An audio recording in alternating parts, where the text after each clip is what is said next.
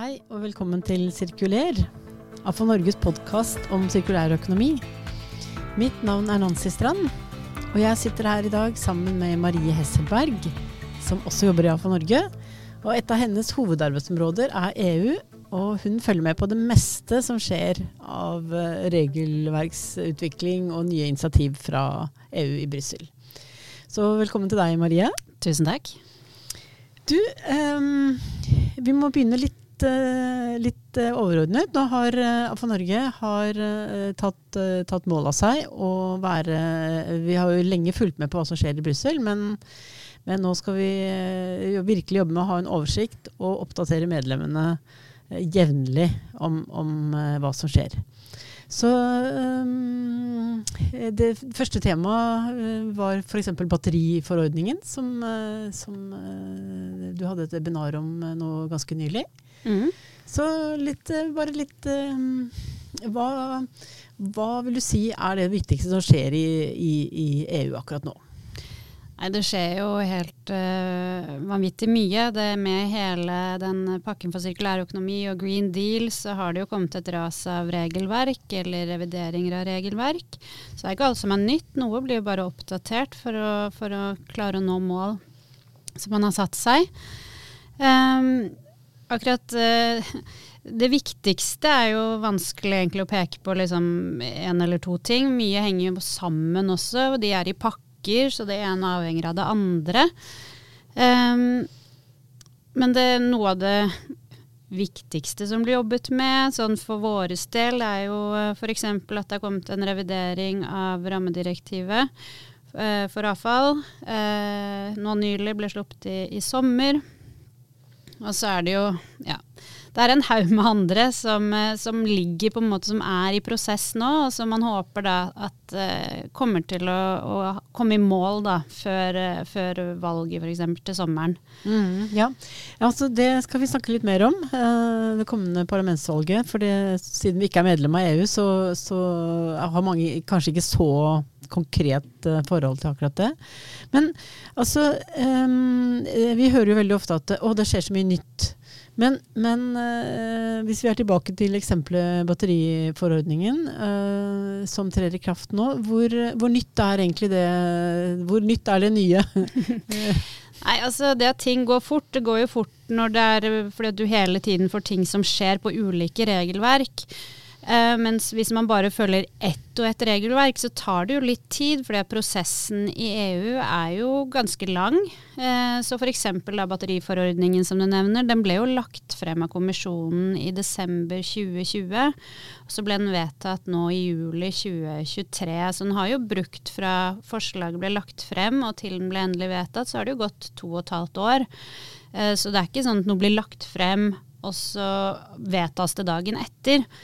Så, men det er jo det at det er mengden av regelverk, at det føles som at det går Altså, det går jo fort. Eh, og det, det, er jo ikke alle som har eh, like lang prosess, og det er jo noen de prioriterer å få hurtigere gjennom, f.eks. Men hvis du følger ett og ett regelverk, så har du på en måte tid til å sette deg ned og faktisk kunne følge med på de endringsforslagene som kommer, og, og prosessen da fra, fra forslag til, til eh, vedtak. Men det er jo det når mengden blir stor, eh, og det går jo relativt fort. Eh, og da føles det ut som at det, at det er helt eh, litt sånn overkommelig mye da, som, som, kommer, og at det går veldig veldig raskt. For de jobber jo, jobber jo iherdig med, med, disse lovforslagene. Mm. Og ønsker jo å få de og ro de i, i havn. Så de ikke på en måte bare ender opp i en sånn ja, midt imellom. så, men også i Norge så er vi jo vant til at det kommer regelverk på høring fra Miljødirektoratet, det, det går runder osv. Men hvordan er denne prosessen bygget opp i, i, i EU-sammenheng? Ja, den eh, selve prosessen er ganske kompleks. og Hvis man skal ta hele sånn i detalj, så, så tror jeg jeg kunne sitte en halvtime og snakket akkurat om det. Ja. Men sånn overordnet kan vi jo ta det, for da er det jo kommisjonen først som legger frem forslag til regelverk. Og så er det jo to eh, instanser som på en måte skal jobbe med det videre. Det er først parlamentet, som er de folkevalgte. Og så er det eh, ministerrådet, som er eh, ministre fra de ulike medlemslandene. Så da er det en komité i parlamentet som får tildelt uh, dette lovforslaget, uh, og som da har hovedansvaret for å jobbe frem en rapport da, med sine forslag til endringer, og um, som de da legger frem for hele parlamentet.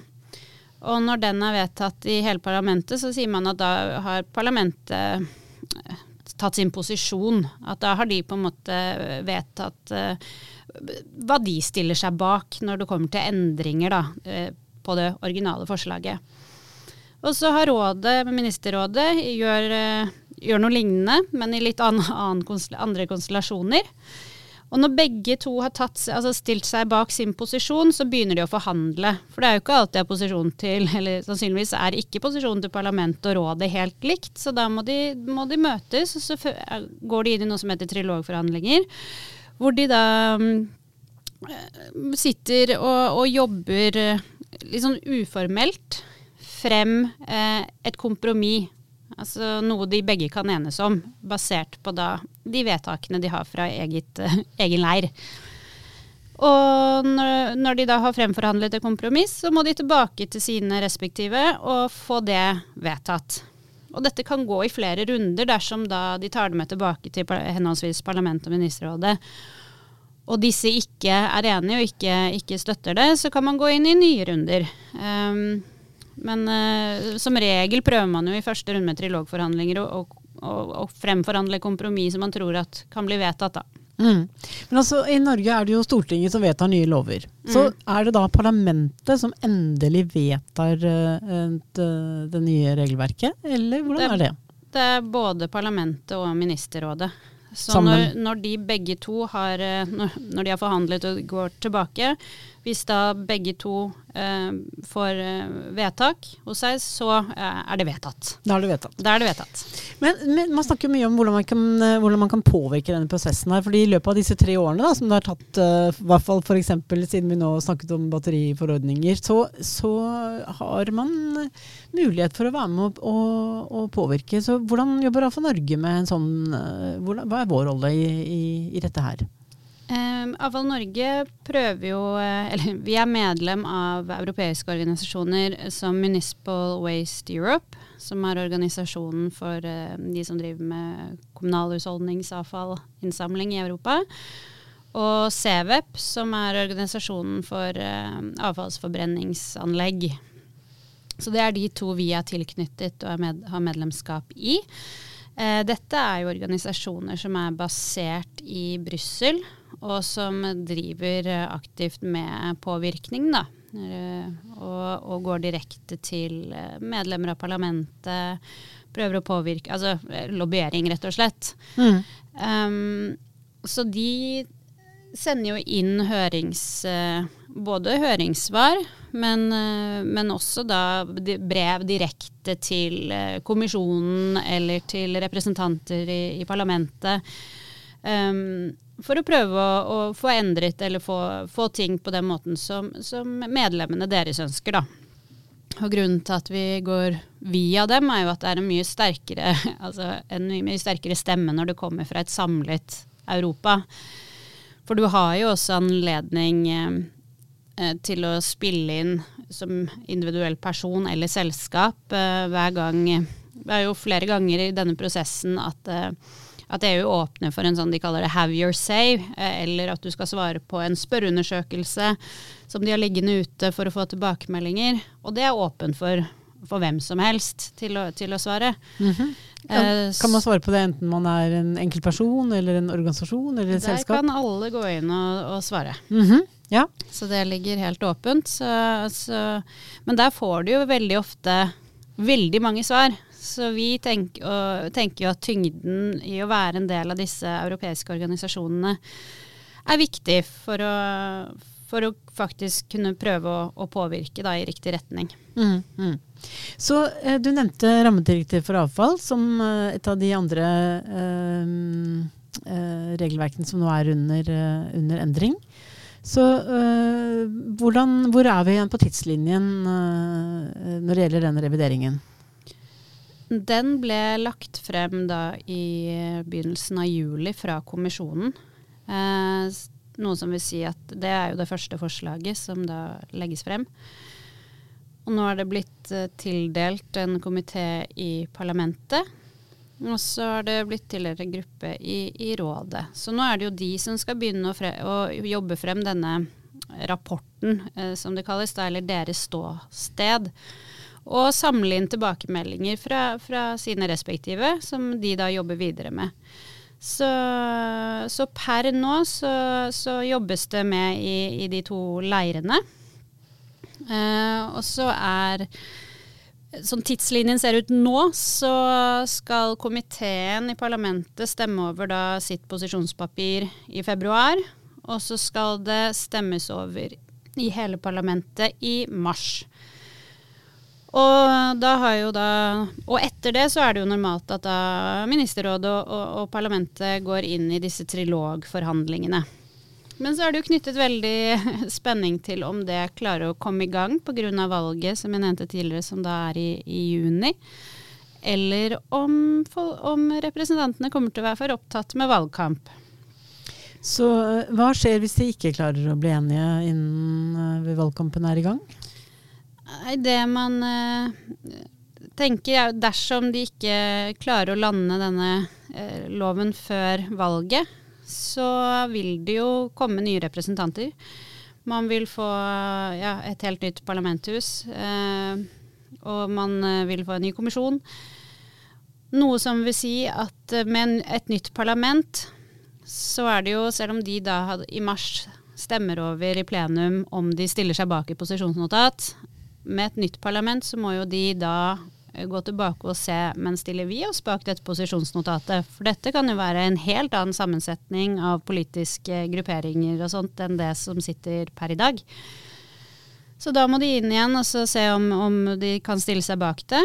Og så hvis de kan det, så kan man jo fortsette der man slapp. Men hvis de sier at dette her er vi uenig i, så må det, må det, tilbake noen steg igjen. Så, mm. så, da kan det jo plutselig dra litt ut i tid.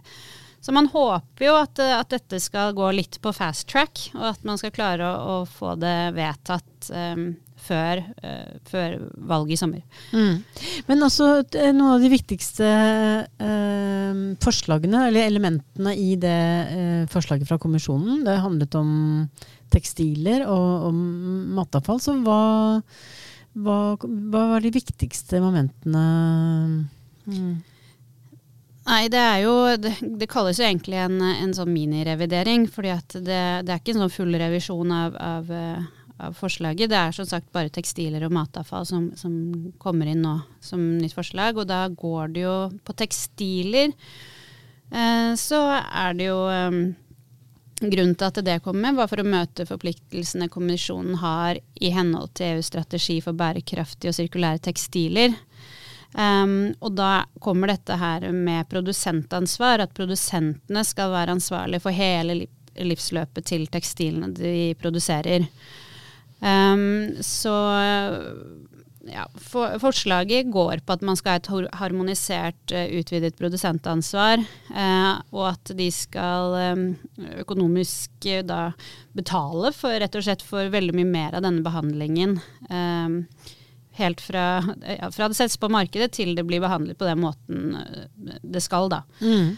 Men altså øh, Kravet om separat innsamling av tekstiler, det er allerede vedtatt? Det er vedtatt, for det ligger allerede i rammedirektivet. Så det jo, skal jo på plass uh, fra 2025. Så der er det, jo, er det jo noen som sier at uh, ja, uh, det er jo en liten mismatch, fordi at nå skal man sette opp en innsamlingsløsning for separat innsamling av tekstilavfall fra 2025. Mens sånn som forslaget foreligger nå, så er det tidligste man er påkrevd og dersom dette blir vedtatt før sommeren, så har man 30 måneder på seg på å etablere et sånt produsentansvarsordning, da.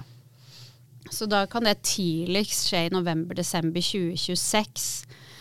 Eh, som da er nesten to år etter at man har begynt med den separate innsamlingen. Mm. Så det har jo blitt, eh, blitt eh, identifisert som et problem at de to ikke går, går hånd i hånd. Eh, fordi at da innsamling skal jo være en del av dette produsentansvaret. Mm. Og, og hvis man da finner opp alle mulige løsninger, og så Ja, nei, så det, det er noe som eh, mest sannsynlig kommer til å bli spilt inn, da. Eh, at her må man, må man se på disse her sammen. Mm. Ja. Men, eh, for det virker unektelig Men betyr det at man, vi kan eh, risikere også for norske eh, kommuner at man må etablere et system, men man har ikke noe finansiering annet enn over gebyret?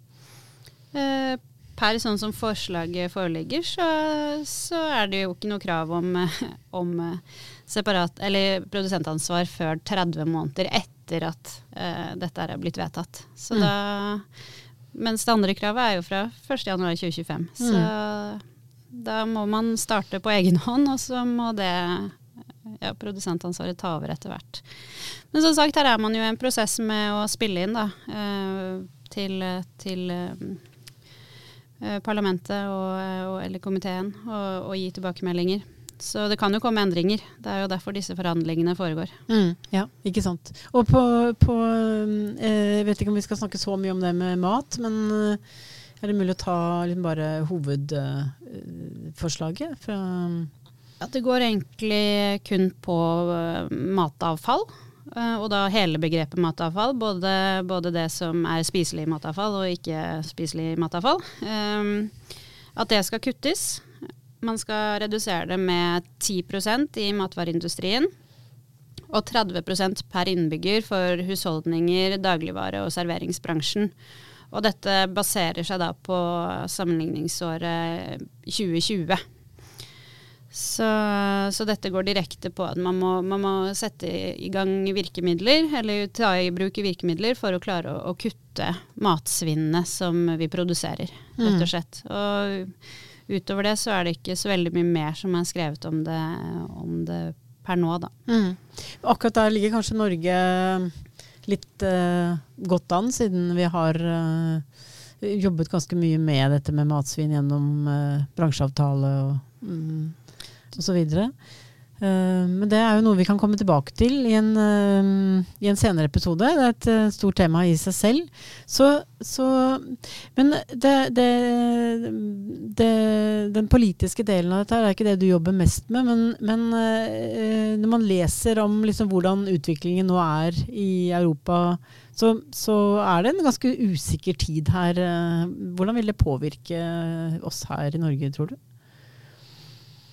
Du tenker da på i Ja, forhold til tenkte jeg, valget ja, nå var det et i litt EU, uh, kryptisk spørsmål, kjente jeg. Altså, ja, altså jeg tenker at, uh, at uh, hvis det nå blir et nytt parlament, du var inne på det, så at det kan bli nye konstellasjoner, de kan innta helt nye posisjoner, uh, sende forslag tilbake igjen.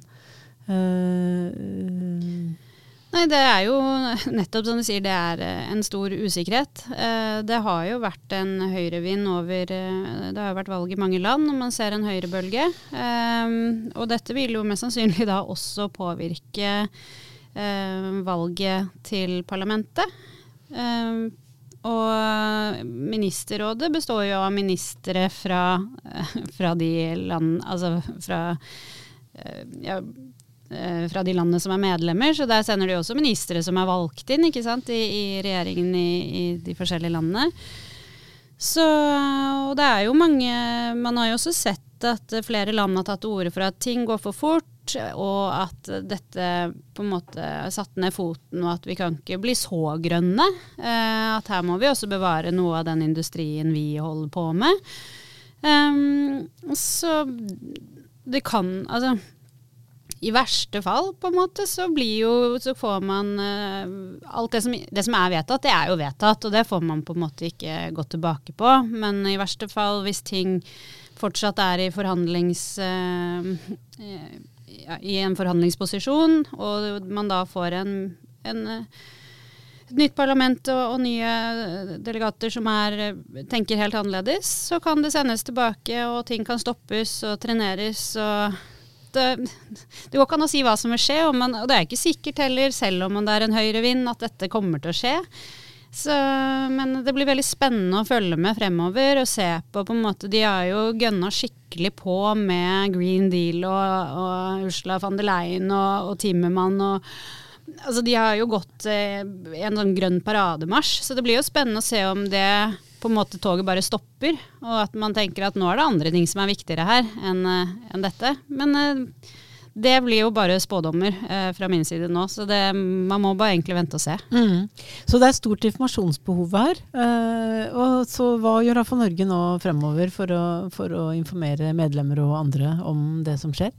Ja, nei, Nå har vi jo, som du nevnte innledningsvis, begynt med disse webinarene med EU-tema. Eh, det er noe vi kommer til å ha én gang i måneden. Eh, nå i starten så være, er det i hvert fall gratis for alle. Det varer en halvtime. Ligger også åpent på sidene våre og på YouTube etterpå. Hvor vi tar for oss dagsaktuelle EU-temaer. Uh, og videre så er jo tanken også at vi uh, skal få bygget opp mer informasjon på våre egne nettsider. Uh, med litt forklaring på Eller om vi gjør det selv, eller om vi linker til andre som har gode, gode sider. Men i hvert fall hvor vi får eh, en egen fane med EU, og hvor vi kan linke til hvor ting er i prosessen, hva som skjer. At du skal på en måte kunne gå inn på vår side, og så skulle du lett kunne finne den informasjonen eh, du trenger, da. Men det er, eh, så det er planen videre, men der er vi i støpegropa, eller startfasen. Så Akkurat hvordan det blir, det vet jeg ikke ennå. Nei, Det kan bli spennende å følge med på. Så da er det første webinaret det handlet om batteriforordningene, og så er det neste nå i 26. oktober. Um, mm. Ja, og hva er temaet da? Vi har en tanke om det, men vi har ikke fått bekreftet at vi får innledere på det ennå. Ok, Så det er fortsatt en liten hemmelighet? Det er fortsatt en liten hemmelighet. Mm -hmm. Det er dumt hvis jeg sier det, og så er det ingen som kan snakke om det, og så bytter vi. Uh, men Nei, det blir så. lagt ut så, så, fort vi har fått en bekreftelse på, ja. på, at folk kan snakke. Men det er jo litt sånn som jeg sier, vi planlegger jo ikke så lang tid i forveien. fordi vi vil jo at det skal være ganske dagsaktuelt. Da kan ikke jeg sitte her nå og si hva vi skal snakke om i planlegge for januar og februar. fordi at plutselig så dukker det opp noe som har mye større nyhetsverdi men som vi ikke vet om ennå. Mm, så, så, det blir litt uh, Ja, man må bare følge med. Det legges jo ut på nettsidene våre, og vi bruker også uh, LinkedIn mm, til ja. å spre den informasjonen. Mm. Så her snakker vi om å liksom ta litt tempen på det som er mest aktuelt til enhver tid. Yes, rett og slett. Mm. Så øh, øh, hvordan, øh, hvordan syns du det er å jobbe med disse, disse, spørsmålene? Det er egentlig ganske kompliserte ting. Jeg syns bare det å lese et, et EU-direktiv, det, det er krevende tema. Ja, nei, jeg, jeg syns jo det er veldig spennende. Jeg måtte jo også Dette var jo på en måte en litt sånn ny posisjon som jeg da startet med å jobbe, å jobbe med etter påske.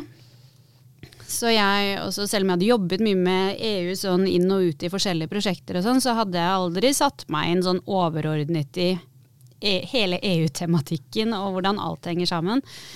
Så jeg måtte jo bygge opp uh, denne kunnskapen uh, for meg selv først, før jeg kunne begynne å formidle det videre. Og det er tungt materie, og det er mange prosesser, og det er jo et kjempesystem eh, som, som holder på. Så det gjelder å ha tunga rett i munnen, og det er jo derfor også at vi nå jobber med å få ut eh, skulle prøve å få ut eh, litt mer informasjon på en enklere måte. fordi at sånn som EU-sidene er kan være veldig vanskelig å manøvrere i og finne riktig informasjon. Eh, og det er jo så mye forskjellig. Skal jeg lete hos parlamentet, til, er det kommisjonen? Og så trykker du deg frem og tilbake og bruker masse tid på det. Så det er et eh, det er tungt materie og, og, og, kompliserte veier for å finne riktig informasjon også. Så det er jo det jeg håper at vi etter hvert kan, skal kunne hjelpe våre medlemmer litt med. Da, og i hvert fall kunne lett finne frem til det man ønsker av informasjon. Mm. Du, tusen takk, eh, Marie. Eh, jeg regner med at vi kommer til å både lage, i tillegg til webinarene, også kan lage flere podkaster om aktuelle EU-tema. Absolutt. Så da sier vi takk for i dag. Ja, takk for i dag. Takk for meg. Og takk til alle dere som har hørt på. Um, vi høres igjen snart. Ha det bra.